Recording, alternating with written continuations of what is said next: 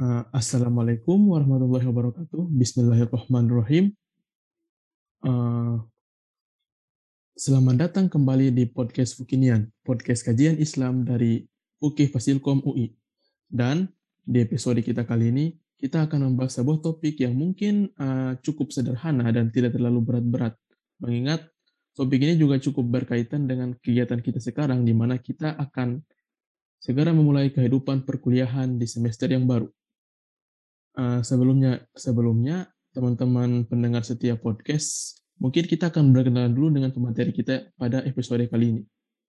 Uh, Assalamualaikum Ustadz Farid. Waalaikumsalam warahmatullahi wabarakatuh. Uh, bagaimana kabarnya Ustadz? Alhamdulillah baik. Oke, oke. Okay. Jadi uh, untuk teman-teman pendengar podcast Fukinian dan Ustadz, hari ini kita akan membahas sebuah topik yaitu yang sangat berkaitan dengan perkuliahan itu sendiri, yaitu kita akan membahas tentang mahasiswa. Dan mahasiswa yang akan kita bahas ini ialah mahasiswa yang biasanya disebut sebagai mahasiswa ambis. Nah, tentu kita mengetahui bahwa mahasiswa ini pasti memiliki banyak karakteristik dan banyak sifat. Karena mahasiswa sendiri, tersendiri itu adalah seorang individu juga. Nah, Salah satu karakteristik dari mahasiswa itu sendiri adalah mahasiswa yang ambis atau mahasiswa yang sangat terobsesi dengan tujuannya menjadi yang terbaik daripada yang terbaik. Namun uh, dalam mengejar tujuan tersebut, ia bahkan sampai melupakan kewajibannya sendiri sebagai seorang umat yang beragama. Terutama jika ia agama Islam, dia beragama Islam. Oke, Ustadz, uh, mungkin saya ingin bertanya, dalam Islam sendiri, apakah ada sebutan untuk para mahasiswa yang ambis ini? Yang mana ia hanya mempedulikan goalnya saja, tujuannya saja, namun ia tidak peduli sama sekali tentang keadaan yang terjadi di sekitarnya, termasuk kewajibannya sebagai seorang muslim itu sendiri. Iya. Baik. Bismillahirrahmanirrahim. Assalamualaikum warahmatullahi wabarakatuh. Alhamdulillah, wassalatu wassalamu ala rasulillah wa ala alihi wa sahbihi wa man wala wa la hawla wa la quwwata illa billah amma ba'd. Ya, uh, ini pertanyaan yang cukup menarik ya tentang mahasiswa yang begitu terobsesi oleh uh, cita-citanya, oleh keinginannya ingin menjadi on the top yang terbaik. Uh, di sisi itu sebenarnya uh, Islam tidak mempermasalahkan ketika seorang uh, Muslim atau seorang anak manusia memiliki cita-cita yang tinggi. Ya, jangan lupa bahwasanya Rasulullah alaihi wasallam pun pernah memiliki cita-cita itu ketika dia uh, apa namanya mengatakan bahwa suatu saat ya kita akan menguasai uh, Persia ya istana Kisra. Sekarang sudah menjadi muslim ya kemudian juga kita pun akan juga menguasai Romawi. Yang kemudian Romawi ini dalam sejarah ada dua ada Romawi Barat dan Romawi Timur. Romawi Timur Bizantium yang sudah dibebaskan oleh Muhammad Al-Fatih yang saat ini menjadi Istanbul, kemudian Romawi Barat yang sekarang menjadi Italia. Nah ini yang belum uh, dibebaskan oleh umat Islam. Artinya ya Rasul sendiri membicarakan masalah cita-cita umat Islam atau kejayaan umat Islam. Kemudian Nabi pun juga pernah mengatakan dalam hadis riwayat Imam Ahmad, "Basyir hadhil ummah bisina wa tamkin wa rif'ah wa din." Yang berikan kabar gembira kepada umat ini akan datangnya kejayaan, kekokohan, dan juga kekuatan kejayaan agama. Jadi eh, sekedar bercita-cita, punya obsesi itu hal yang wajar karena Rasul sendiri juga memilikinya. Nah, yang jadi masalah adalah ketika obsesi itu ya arahnya ke mana, ya caranya bagaimana. Lalu kemudian ketika sudah sampai di tujuan, mau diapakan itu? Ini hal-hal yang perlu diperhatikan oleh para mahasiswa. Itu masalah caranya, kemudian juga apa obsesinya, kemudian ketika sudah tercapai mau diapakan. Apakah sekedar untuk e, memuaskan hawa nafsu atau untuk pembuktian saja nih aku sudah mencapai apa yang aku inginkan ya sehingga sekedar untuk kepuasan e, apa namanya intelektual saja atau kepuasan rohani saja, tapi urusan masalah manfaat buat kehidupan, manfaat buat masyarakat, manfaat buat orang lain, dia nggak memikirkannya. Nah, ini yang tidak diinginkan dalam Islam. Oleh karena itu dalam Islam dituntut yang namanya keseimbangan. Wabtagi fima atakallahu darul akhirah wala tansa nasibaka minad dunya wa ahsin kama ahsanallahu ilaik. Carilah bagianmu secara serius untuk akhiratmu, namun jangan lupa bagianmu untuk duniamu. Nah, inilah keseimbangan dalam Islam. Jadi obsesi dunia kita silahkan, tapi jangan lupa posisi kita sebagai hamba Allah dan obsesi tertinggi bagi seorang hamba Allah adalah ya faman zuhziha anin nar wa. Siapa yang dibebaskan dari api neraka dan dimasukkan ke dalam surga, itulah orang-orang yang menang, orang-orang yang sukses, orang-orang yang beruntung yang seperti itu. Para misal. Uh, baik Ustaz. Jadi kita harus menyeimbangkan ya antara keperluan urusan dunia dan urusan akhirat itu sendiri. Oke, okay. ya. uh, baik. Salah satu, selanjutnya saya akan bertanya lagi. Nah, mahasiswa-mahasiswa yang tadi yang sangat terobsesi akan tujuannya menjadi yang terbaik, itu ada yang perjalanannya bahkan tetap mulus-mulus saja Ustaz. Jadi walaupun ia sudah tidak peduli tentang kewajibannya sebagai seorang muslim, dia sudah jarang sholat, jarang mengaji, dan bahkan keluarganya dan teman-temannya sendiri juga, ia pun sudah jarang kontakan hanya karena ia sangat terobsesi dengan tujuannya. Nah, itu mengapa itu bisa terjadi Ustadz? yakni jalannya tetap mulus walaupun ia tidak ia sudah tidak peduli dengan kewajibannya sendiri. Iya. Yang pertama, eh, faktor yang paling eh, besar membuat seseorang sampai seperti itu, ya dia begitu fokus dengan targetnya hingga akhirnya lupa diri, lupa posisinya sebagai hamba Allah, lupa kewajibannya sebagai anak kepada orang tua, bahkan lupa kewajibannya sebagai anggota masyarakat di tengah masyarakatnya dia meninggalkan sholat dan beragam macam item ibadah hablum minallah, dia meninggalkan ibadah hablum minannas, dan juga kewajiban seorang anak kepada orang tuanya misalnya. Maka yang seperti ini karena faktor tadi, ada mutawazun, hilangnya keseimbangan, lalu mungkin yang dia anggap, yang dia kira adalah bahwa uh, kebahagiaan itu ya ketika apa yang dia inginkan itu tercapai. Ya padahal dalam Islam kebahagiaan itu tidak semata-mata mencapai target. Tapi kebahagiaan itu ketika kita menjadi orang yang bermanfaat. Makanya Nabi mengatakan khairun nas anfa'uhum linnas. Hadis sahih Imam Daruqutni. Manusia terbaik adalah manusia yang mampu memberikan berkontribusi manfaat kepada orang lain. Bukan manusia yang egois, senang bahagia untuk diri sendiri, tapi kemudian dia hidup bagaikan di menara gading, ya tidak mengetahui apa yang terjadi di masyarakat, kehebatan dia hanya diketahui oleh dirinya sendiri, orang lain nggak ada yang tahu, dia terasing dengan apa yang dia anggap hebat itu, ya jangankan orang lain, orang terdekatnya pun juga nggak tahu kalau dia seperti itu. Ini kan justru berbahaya dan tertipu. Nah, adapun jika ketika dia meninggalkan hal-hal tadi, kewajiban-kewajiban agama, kok nak kelihatannya lancar ya, mulus-mulus aja gitu, hingga sampai ke tujuannya. Sementara ya para mahasiswa yang justru rajin ibadah, rajin sholat, rajin ini dan itu, dan mencoba untuk seimbang tadi, ternyata mereka terseok-seok, tidak selancar uh, kawannya ini, ya, sampel yang pertama ini. Nah di dalam Islam ada istilah yang namanya uh, uh, uh, apa? Seseorang itu mengalami istidraj. Apa istidraj? Yaitu seseorang yang mendapatkan nikmat dari Allah baik berupa kesehatan, kekayaan, prestasi, di tengah dia lagi maksiat. Ya, di tengah-tengah maksiatnya yang begitu banyak. Ya, di tengah mohon maaf misalnya hal-hal yang membuat dia bisa kufur atau terhitung sebagai orang fasik. Ya, kita heran, dia penjudi, dia pemabuk, atau dia orang yang meninggalkan sholat, dia pezina, tapi prestasinya luar biasa, sehat walafiat, kekayaannya lancar, itulah namanya istidraj. Allah ulur. Ya eh, kenikmatan itu supaya dia uh, bisa berpikir apakah dengan hal itu membuat dia semakin uh, parah? Ataukah justru membuat dia sabar, ingat dan sadar kemudian dia bertobat kepada Allah. Kita lihat kadang ada pertanyaan begini, kenapa sih orang soleh banyak yang cepat meninggal ya? Kiai, ustadz, pejuang Islam banyak yang wafat. Sementara orang-orang yang kayaknya gimana gitu sama umat Islam yang komen-komennya sering miring, sering menyerang umat Islam. Ya kok dia selalu ada dan ketika sakit kok ya biasa aja muncul lagi. Itulah bisa jadi mungkin Allah ulur dia supaya dia semakin lama dengan kezolimannya. Dia menyangka dia hidupnya enak padahal dengan itu dia sedang menuju kehancuran yang paling abadi yaitu di akhirat.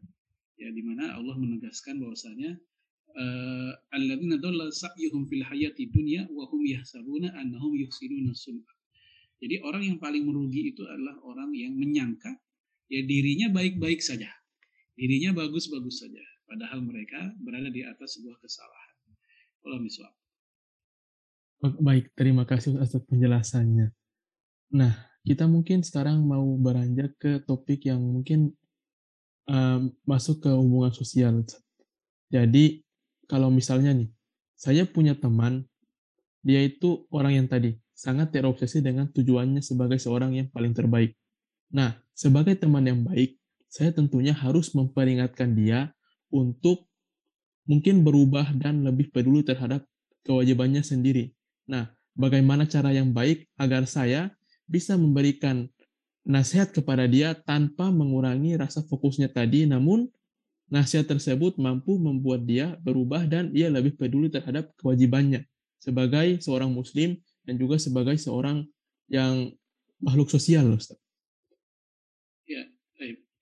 Uh, di dalam Al-Quran, surat Al-Ghosiyah, Allah berfirman, فَذَكِّرْ innama anta mudzakkir lasta alaihim bimusaitir. Berikanlah peringatan, tugasmu hanyalah memberikan peringatan dan kamu tidak berkuasa memaksa mereka. Jadi tugas kita sebagai kawannya ketika kita tahu bahwa kawan kita ini ada bagian hidupnya yang nampaknya tidak seimbang. Ya mungkin saat ini dia belum merasakan dampak negatifnya atau bahayanya. Tapi mungkin nanti di hari depan, ya di masa-masa tuanya dia akan mengalami ya uh, pahitnya atau bahayanya Nah, kita bersegera merespon cepat ya kesalahan atau kekeliruan jalan dari saudara kita itu, kawan kita itu. Sejauh yang kita mampu. Ya, mulai dari uh, paradigma berpikir dia yang barangkali perlu kita luruskan tentang tawazunitas tadi, keseimbangan dalam hidup. Ya, kita boleh punya cita-cita, kita boleh punya obsesi, bahkan Islam uh, mendorong agar kita punya cita-cita yang dengan itu kita jadi lebih bergairah dalam kehidupan. Tapi jangan lupa, cita-cita tertinggi seorang muslim itu bukan hanya di dunia, karena dunia ini hanya persinggahan, umur kita maksimal hanya 60-70, ya uh, semakin banyak usia kita kita pakai, sekarang kita mungkin baru 20, tapi nggak lama lagi akan datang 30, nggak lama lagi akan datang 40, tahu-tahunya kita sudah meninggalkan, sementara perbekalan di dunia kita biasa saja, bahkan minus, ini kan bahaya. Nah ini bagian-bagian yang kita ingatkan ke dia supaya seimbang tadi. Ya, jadi kita pun juga tidak mengajarkan untuk meninggalkan obsesi atau dunianya sama sekali tidak. Ya, karena para ulama kita pun menyontohkan keseimbangan itu. Ya, kita lihat Imam Abu Hanifah, dia seorang ulama besar, ahli fikihnya, uh, para ulama di zamannya, tapi dia juga seorang pengusaha garmen, dia sukses di situ ya uh, Umar bin Abdul Aziz dia seorang mujtahid mujaddid tapi dia juga seorang khalifah. Nah, ini keseimbangan ini yang perlu kita jadikan model untuk para remaja atau anak muda atau mahasiswa saat ini. Nah ternyata mohon maaf teman kita kawan kita ini dia tidak menerima apa yang kita sampaikan. Maka ada satu hal yang perlu kita ingat bahwa salah satu sunnatullah yang Allah tetapkan dalam kehidupan kita adalah namanya sunnatut tadarruj sunnah e, bertahap kehidupan manusia itu nggak langsung drop jadi ya kita nanam pohon mangga hari ini nggak mungkin besok langsung numbuh buahnya langsung panen itu tidak. Ya kita lihat lima tahun 10 tahun yang akan datang bagaimana hasilnya. Sama di saat kita menanam menanamkan sebuah nilai yang menginstal uh, pemikiran atau akhlak atau akidah kepada orang atau kepada kawan kita atau keluarga kita kita jangan berharap buru-buru sekarang bicara besok mereka tobat. Sekarang bicara mereka besok berubah yang penting adalah apa namanya uh, pendampingan, terus terus pendampingan. Ya apa yang mereka butuhkan kita bantu, apa yang mereka inginkan kita coba sediakan. Hingga akhirnya muncul yang namanya keterpautan hati dia dengan kita. Kalau sudah keterpautan hati terbentuk, maka biasanya apa yang kita katakan dan inginkan dia relatif untuk menerimanya. Nah, ketika sudah seperti itu, insya Allah akan lebih mudah bagi kita mengarahkan dia, termasuk apa yang kita inginkan, targetkan tadi, agar dia hidupnya seimbang tadi. Allah misalnya. Baik, jadi yang dapat saya simpulkan untuk membuat teman kita tadi bisa menerima apa yang nasihat dari kita agar dia tetap menjaga keseimbangannya adalah kita harus secara bertahap membangun uh, komunikasi yang baik dengan dia sampai terbentuklah sebuah keterpautan hati. Seperti itu ya Ustaz. Baik, terima kasih. Dan ini mungkin paling terakhir yang dari pembahasan kita kali ini, yaitu mungkin tips dan trik bagaimana cara kita menjadi seorang pemuda mahasiswa yang tetap fokus pada tujuan kita, fokus menjadi yang terbaik versi kita, namun dengan catatan kita tetap melakukan kewajiban kita sebagaimana mestinya dan kalaupun bisa sama sekali tidak ada kewajiban yang kita lewatkan. Dan fokus dan kita sebagai makhluk sosial juga tetap meningkatkan hubungan sosial kita terhadap masyarakat dan juga terhadap keluarga kita. Bagaimana, Ustaz? Ya, baik. Jazakallah khairan.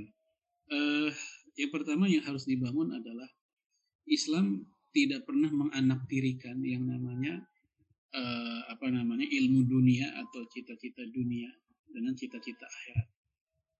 Ya, kita sendiri di dunia sebagai khalifatullah fil ard, khalifah Allah di muka bumi, sebagai pemakmur dunia, ya pemakmur dunia. Jadi tujuan Allah menciptakan manusia itu wa ma khalaqul jinna wal insa illa itu yang pertama. Bahwasanya tidaklah kami menciptakan jin dan manusia kecuali untuk beribadah kepadaku. Ya, yang kedua adalah Allah menjadikan kita sebagai khalifatullah fil ard. Ya khalifah Allah wakil Allah di muka bumi dalam konteks memakmurkan dunia. Maka ini masing-masing harus berjalan. Masing-masing harus uh, mendapatkan porsi yang seimbang dan proporsional fokusnya ke situ Nah, ketika terjadi ketidakseimbangan, biasanya akan terjadi kekacauan. Di dalam kehidupan dunia, ya apa pun, di bidang apa pun, terjadi ketidakseimbangan, biasanya di depannya nanti akan terjadi kekacauan atau kerusakan dan bahaya. Ya, mobil tidak seimbang, bahaya. Rumah tangga nggak seimbang, bahaya. Ya, gedung tidak seimbang, rubuh. Rumah nggak seimbang, rubuh. Organisasi tidak seimbang, misalnya ya terlalu uh, memikirkan misalnya apa uh, uh, uh, pembinaan terhadap struktur struktur tokoh tokoh tapi dia nggak pernah membina bawah masyarakat dia akan bahaya dia akan dianggap terasing di kehidupan masyarakatnya. Atau organisasi yang terlalu ya memasyarakat tapi lupa dengan kaderisasi pembinaan kader-kader barunya atau strukturnya misalnya itu pun juga akan membawa dia akan mati sebelum perjuangannya selesai. Nah, jadi ketidakseimbangan itu yang menjadi suatu yang uh, berbahaya bagi uh, apa namanya cita-cita seorang pemuda. Oleh karena itu seimbang ini yang pertama. Ya, bukan hanya keseimbangan dari sisi target ya, tapi juga fokusnya kita seimbang. Nah, kapan sih seseorang ngerasa udah nggak seimbang? Sebenarnya sederhana aja. Seseorang harus jujur menjadi hakim atas dirinya sendiri. Ya, ketika dia sudah ngerasa kayaknya saya udah berlebihan nih, Ya, terbukti dari apa? Tuh, saya sholat udah jarang di masjid. Saya lebih sering sholat sendiri. Lebih parah lagi malah sholat kadang lebih sering ngaret. Ya, zuhur menjelang jam 3, asar menjelang maghrib, maghrib menjelang isya, isya menjelang subuh. Nah, misal seperti itu. Nah, dari sini aja sebenarnya sudah menjadi standar minimal. Dia sudah tahu, oh dia sudah tidak seimbang sebenarnya. Tapi karena faktor hawa nafsu biasanya, dan juga waswasah syaitan, setan yang mengganggu dia, ketidakseimbangan ini nggak mau diakui oleh dia. Dia nggak mau ngaku dia nggak seimbang. Enggak kok saya masih sholat. Enggak kok saya masih ini masih itu. Padahal kalau dia mau jujur dia sudah jauh tereksitasi dari garis keseimbangan tadi. Ya, lalu kemudian ya supaya dia tetap pada on the track uh, uh, uh, fokus yang dia inginkan, namun tidak melupakan agama, tidak melupakan posisinya sebagai hamba Allah adalah itu hendaknya dia bersama orang-orang soleh, ngumpul dengan orang-orang soleh, sibuk dengan fokusnya iya silahkan tapi dia harus punya waktu ya dalam sepekan atau mungkin dalam beberapa hari membersamai orang-orang baik, orang-orang soleh. Supaya apa? Supaya ada charger di hati, charger pada jiwa. Spiritualitas dia tetap terjaga dan stabil. Sebab dia akan mengalami kekeringan jiwa, ya kekeringan hati ketika sibuk dengan urusan-urusan tadi. Ya kalau dia seorang mahasiswa IPA sibuk dengan rumus-rumus dan segala macam penelitiannya, kalau dia mahasiswa IPS mungkin dia sibuk dengan segala macam filsafatnya segala macamnya ya akhirnya apa yang terjadi ya dia akan sibuk dengan hal yang tadi sementara ruhnya kesejukan jiwanya ya kesejukan kesegaran hatinya dia nggak pikirkan Jelas ini berbahaya. Bahayanya apa? Akan terjadi koswatul kulub. Kerasnya hati. Ya, koswah, keras, dinasihatin, mental. Dengar suara azan, tidak suka. Ya, jam waktu mau sholat, yang lain pada siap-siap pengen sholat, teman satu kosnya, teman satu kampusnya, dia sendiri biasa saja, sama sekali nggak tergerak. Karena apa ini? Koswatul kulub. Dari mana asal koswatul kulub? Karena tadi yaitu karena faktor dia sendiri menutup diri untuk bergaul dengan orang-orang soleh. Dan Rasul mengatakan almaru ala dini khalilih falyanzur ahadukum man yukhalil. Kualitas seseorang tergantung siapa agama teman dekatnya. Maka lihatlah oleh kalian dengan siapa kalian bergaul, berteman dekat. Oke, itu yang kedua, yaitu kita mencari lingkungan bersahabat dengan orang baik ya supaya fokus kita se apa sibuk apa pun kita tetap kita berada dalam lingkungan yang baik. Kemudian yang ketiga, yang mesti kita tidak lupakan di saat kita fokus dengan obsesi kita tadi, ya pelajarilah bagaimana kehebatan para ulama-ulama Islam, biografi mereka ketika mereka mencapai cita-cita mereka. Tadi saya sudah sebutkan beberapa sampel ya tentang Imam Abu Hanifah, tentang apa namanya uh, Imam Syafi'i, dia piawai dalam fikih, tapi dia juga jagoan dalam masalah panahan. Imam Ibn Rushd dia piawai dalam masalah fikih, tapi dia juga jagoan dalam masalah filsafat Islam. Imam Al-Ghazali dia piawai dalam fikih, usul fikih, tasawuf, tapi dia juga seorang sosiolog dan psikolog. Imam Ibn Qayyim dia piawai dalam masalah hadis, fikih, usul fikih, sejarah Islam, tapi dia juga seorang dokter. Ya, jadi para ulama kita seperti itu. Oleh karena itu, dengan mempelajari biografi mereka yang begitu luar biasa dan dari sisi keseimbangannya juga terjaga, maka kita punya tadi ya punya model. Kita mencoba untuk sama dengan mereka walaupun sama banget sama persis mungkin kita merasa sulit. Paling tidak kita ada teladan dari kehidupan mereka. Ya, lalu kemudian yang terakhir ya supaya kita tetap terjaga tadi adalah kita minta kepada Allah kita berdoa kepada Allah, kita minta kepada Allah supaya kita tetap istiqomah. Karena berbagai macam upaya tadi, biiznillah, semuanya dengan izin Allah. Kalau Allah tidak mengizinkan, ya upaya kita pun akan berat. Maka kita minta kepada Allah supaya apa yang kita inginkan, sesibuk apa pun kita dengan target dan obsesi tadi, kita tetap dilindungi, nggak lupa diri. Ya muqallibal qulub, sabbit qalbi ala dinik. Ya, dalam hadis Imam Tirmidzi Rasul mengajarkan doa ini dan uh, momen yang paling sering dijadikan uh, tempat untuk mendoa, apa, berdoa dengan kalimat ini adalah ketika uh, sebelum salam setelah membaca innaka hamidun masyid. Ya, dan ini saya berharap uh, bisa di apa namanya uh, praktekkan ya secara secara bagus semuanya sempurna uh, komprehensif tidak hanya satu sisi. Doa saja tapi usahanya nggak ada ya juga nggak dibenarkan. Atau usaha saja seperti tadi ya tapi dia merasa apa yang dia lakukan itu sudah cukup. Ya seakan-akan peran Allah itu tidak ada. Ini pun juga tidak dibenarkan. Baik Ustadz, terima kasih. Nah, begitulah tips dari Ustadz uh, Farid untuk menjadi seorang muslim yang baik namun tetap menjaga uh, keimanan, tetap menjaga kewajiban kita, tapi seharusnya juga kita tetap bisa mengejar tujuan dan mimpi kita. Uh, mungkin ini adalah akhir dari episode kita pada uh, akhir dari pembahasan dari episode kita kali ini. Uh, terima kasih Ustadz telah menjadi pengisi pada episode kali ini, pengisi materi pada episode kali ini. Uh, untuk teman-teman pendengar podcast juga jangan lupa untuk tetap mendengarkan podcast Fukinian di platform Spotify dan YouTube karena podcast ini bisa didengarkan kapan saja dan bisa di-download dan didengarkan di mana saja.